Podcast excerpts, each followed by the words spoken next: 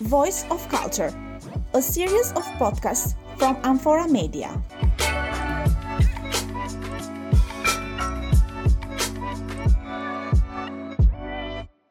Dear listeners of the Voice of Culture series of podcasts, I am Livia from uh, Media, and today we will return to the series of English language with a special expert who does not come from the field of archaeology or cultural heritage. We have the special pleasure of uh, being in this seventh podcast with Larisa Halilovic, international expert and team leader of the program Media for All a British government initiative to support the media in the Balkans. Larisa has uh, also some great experience as a TED uh, uh, Talk speaker, but today we will uh, talk about women in the Balkan media. Thank you, Larisa, for joining us. Thank you very much, Livia. Lovely to be here with your listeners. Thank you. Uh, Larisa, given that uh, you have more media experience in the Balkans, uh, how is the situation of uh, women in the media? Thank you for that question. As you know, it's a rather challenging one because the state of play for women in media is a tricky one. We have just conducted a whole series of research uh, across the six countries of the Western Balkans, and what we have found is that the ratio of women and men in media is uh, rather different in Uh, in relation to the content that the media produces. So, to put it simply, there are more than 60% of women working in media. However, in the stories, they are barely visible and they're only there in one third of the stories as subjects and only there one fifth of the stories as objects of them so they are uh, in uh, positions like working in the media but their voices on the stories uh, is uh, not uh, in a big scale that's right. Uh, we have found that um, although women represent the dominant part of media, their stories are not strong. There are still, as you know, lots of stereotypes. The role of women and the way women are portrayed across Western Balkans really um, is not exemplary. We are still stuck in patriarchal formats. Uh, we are still portrayed as women who are mothers, uh, daughters, who are also doing housework, who are uh, only interested in uh, beauty and possibly health and looking after others, while men are the ones who are portrayed as experts, uh, as voices of authority, which we strongly believe needs to change. As you said, I myself am an expert, I'm experienced as an international leader um, in different roles, including senior management, and we would definitely like to see more women in media take take on these roles. What are the challenges faced by women in media? You mentioned some of them. Um, there are many challenges. Some of them include actually uh, a lower number of women in senior managerial positions. Now, in Albania, we work with 12 independent media, including Amphora, uh, and I'm really pleased to say we have some strong examples of several women led media. Uh, so our statistics are a little bit better than the average. However, uh, looking more broadly, um, the number of women or the percentage of women in high level editorial and managerial and owner roles is really low. So we're talking about maybe 30 or less than 30% of women, while men take the vast majority. And as you know, the, the power and decisions are made at top roles. And we would really like to see more women in Albania uh, build confidence, build skills, and also um, have the courage to proceed into those roles. However, as you know, this is not that easy. Um, it requires a lot of support, uh, systematic support, and also support from male colleagues because women can't do this alone. Um, another thing we have discussed and another thing we have researched is uh, the absence of policies which actually regulate the role of women in media. So, in order to move forward, we all need to have policies uh, which include uh, basically rules and regulations for women who work in the media. And this includes the hours of work, protection. Um, equal opportunities, uh, safeguarding, um, and that way we can ensure that women feel safe, that they feel equal, that they have um, all the conditions and benefits which can help them uh, conduct their work and also operate in their private environment uh, as strong, confident women in business and media in this case. So in 2021, we have 30% uh, of women that are in um, uh, leading roles in the media, right? Something like that. As I said, um, in, in our project and media that we are working with, this number is higher, but um, also the statistics show that generally uh, this is a lot lower across the board. So 30% is even ambitious, but that's the rough estimate. Do women face uh, sexual assault and harassment at work uh, unfortunately, as you know, this is the case across the six countries of the Western Balkans. Uh, women in media in Albania and in other countries, unfortunately, do report all kinds of discrimination and harassment, including online and offline.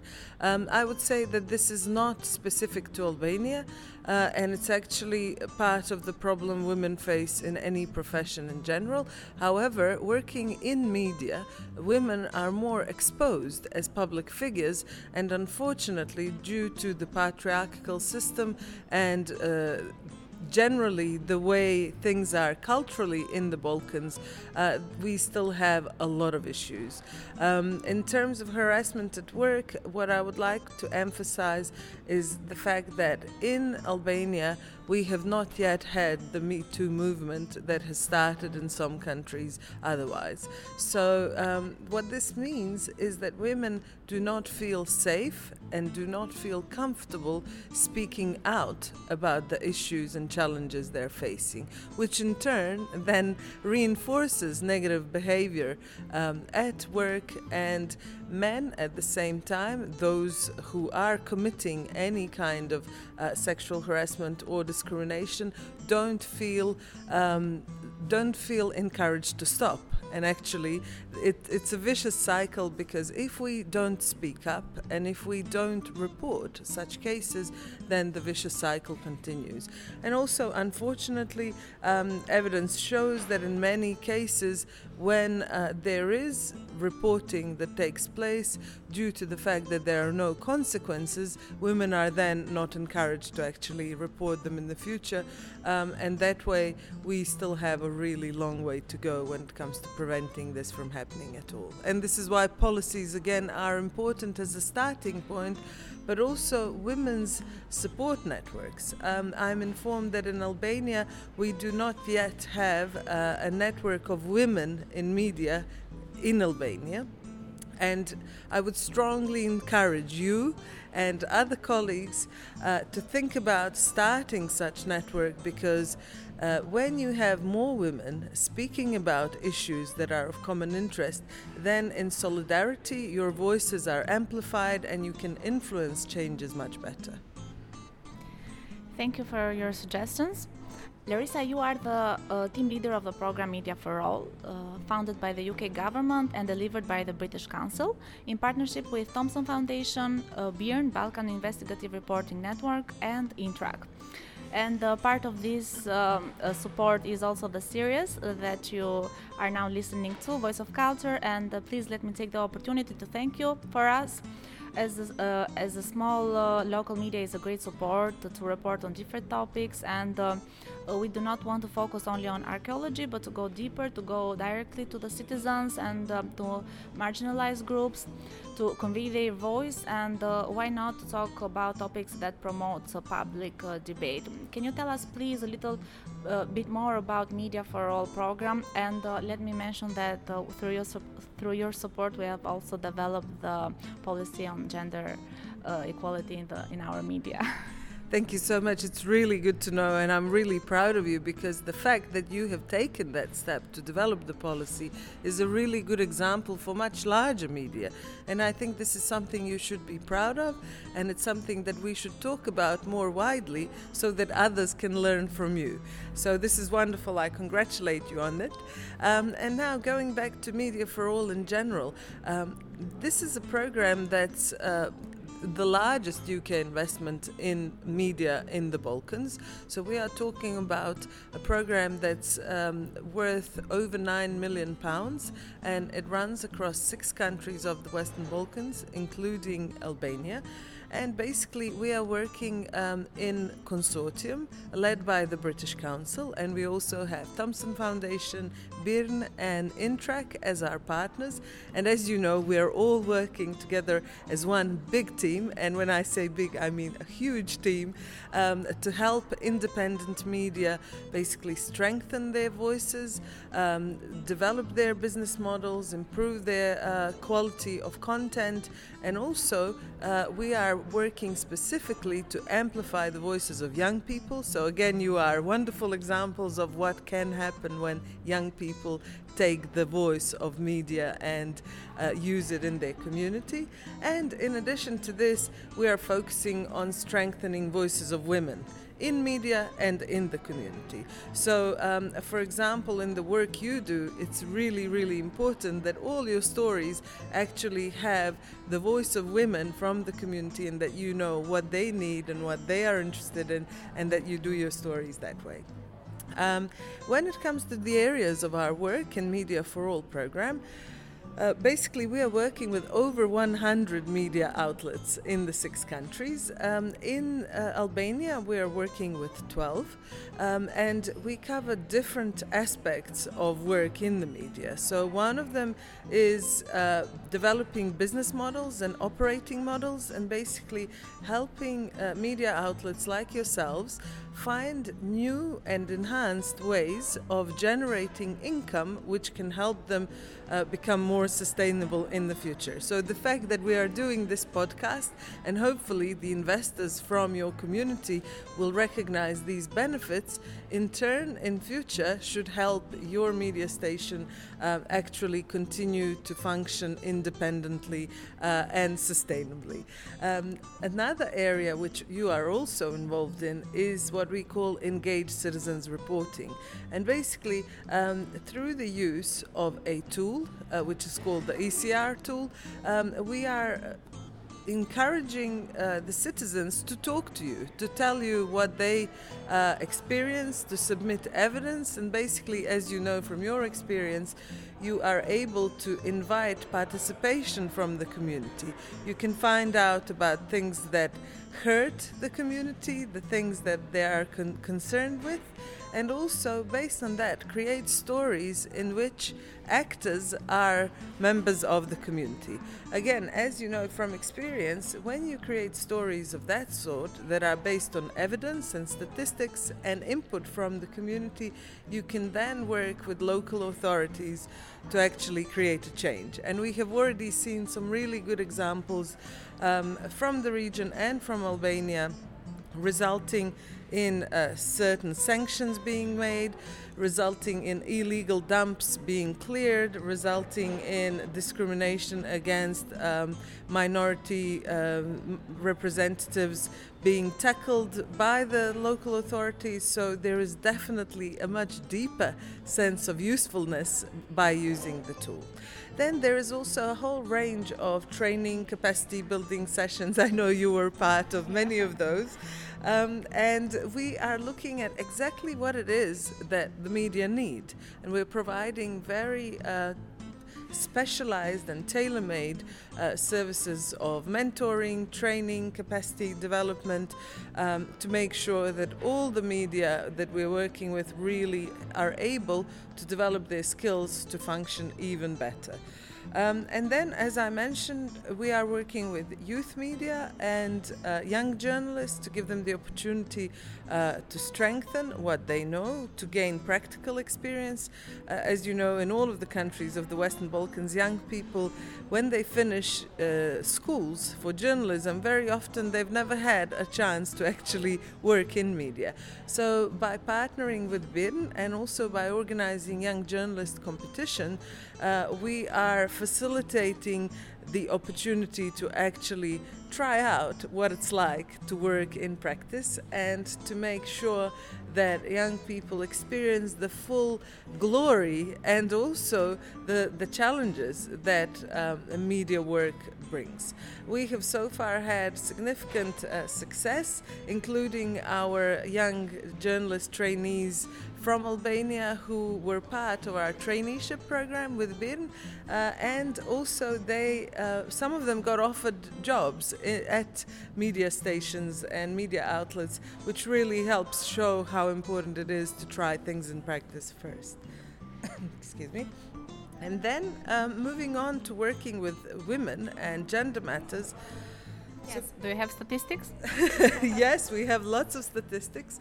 Um, basically, our statistics show that in the region, um, we already talked about this. When it comes to ownership, um, women are there one third of the time on average, and then as you go down uh, at managerial level, they're there about 40% of the time.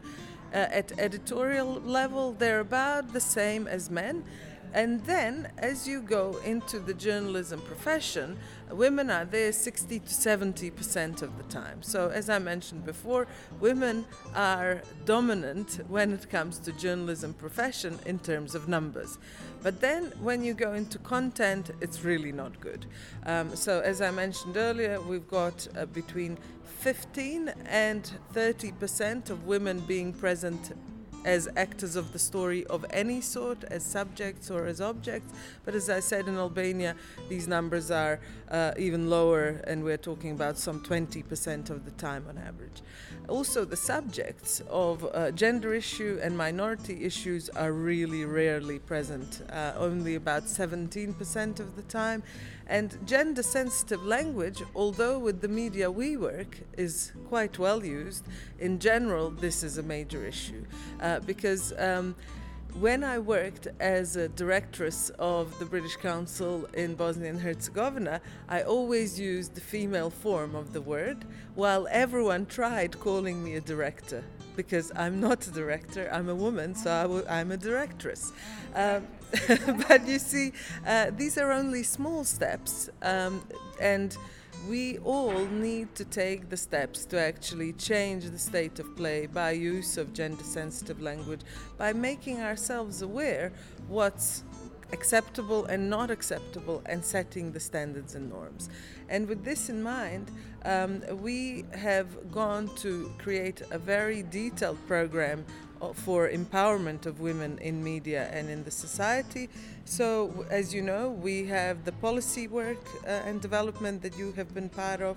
We have a whole series of training sessions, uh, including uh, the subjects of uh, women and gender equality in media, uh, safety of both women and men journalists, because we have to remember that uh, journalism is a very risky, very brave, and very risky. Um, job to have, and basically that both women and men suffer uh, risks related to this profession.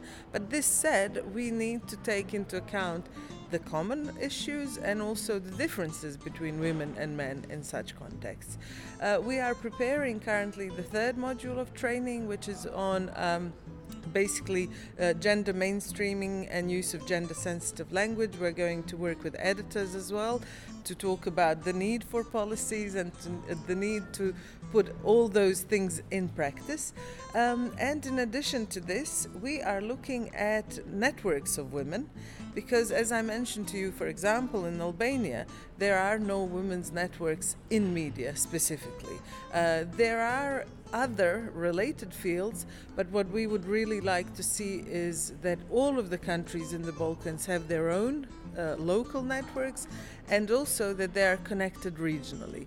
Um, and finally, another area where we are working and which I'm really proud of, and Albania is taking active role in this, is the mentorship program because we have um, we have run the first ever uh, mentorship pilot uh, for women in media in the Balkans, um, and we had 15 participants from six countries in the first round, and they were paired up with experienced mentors from the region, of whom two are from Albania. So we have Elira Changa and Valbona Sulce uh, as our uh, experienced mentors. As you know, they, they have a, a wide range of experiences, long standing, and are both very active uh, in all areas related to not only strengthening media but also empowering women. And what we have found is that by introducing one to one mentorship, uh, women who are early in their career, they're able to actually build confidence and skills that are not only to do with a single task. So it's not only about, you know, how you do a podcast interview, but it goes much beyond that and the relationship that develops is a really strong one. So, very often, when you enter this sort of relationship uh, with a mentor, one to one, working for so- several months, at the end of the day, you become friends, and actually, uh, the exchange is two way rather than just one way. So, as I mentioned, we do a lot. We have also database of experts which emphasizes women experts. Um, and this is free for access with registration. It's uh, called Bird as the flying bird, uh, and any uh, any journalists interested can register and access it. And finally, on our Journalift platform, uh, promoted by Thomson Foundation, we have, for example, the webinar on. Um, empowering women in media, uh, which is kind of similar to a podcast, but as you know, a webinar is a little bit different form. And also there, um, we have a very important discussion bringing together the science, the statistics, the practice, and experience from journalists, including Valbona from Albania. So I would strongly encourage all the journalists out there who are interested in these topics to join us to, uh, to find out what we've got and to get in touch. Uh, and uh, uh, not to forget, uh, for everyone that wants to know more about the project, they can uh, search on uh, social medias hashtag WB Media for All, which goes for Western Balkans Media for All, and they can find all the news about this project and all the opportunities and what medias are doing. You uh, you have said a lot about, about this program. It is such a big program, and it was a pleasure having you uh, with us here today uh, at Amphora Media at this podcast. So thank you very much, Larisa. Thank you, Livia. And I just want to say I'm so proud of the work you're doing. And I hope the community recognizes how important it is to have young women and young men, such as yourself, Gary, and the team. Um, and the results you are achieving are really impressive. Thank you for your support. You're welcome. Voice of Culture, a series of podcasts by Amphora Media developed with the support of the Media for All project funded by the UK government. Follow us on the platforms www.amphora.al and also on SoundCloud, Mixcloud, Google Podcast, and YouTube.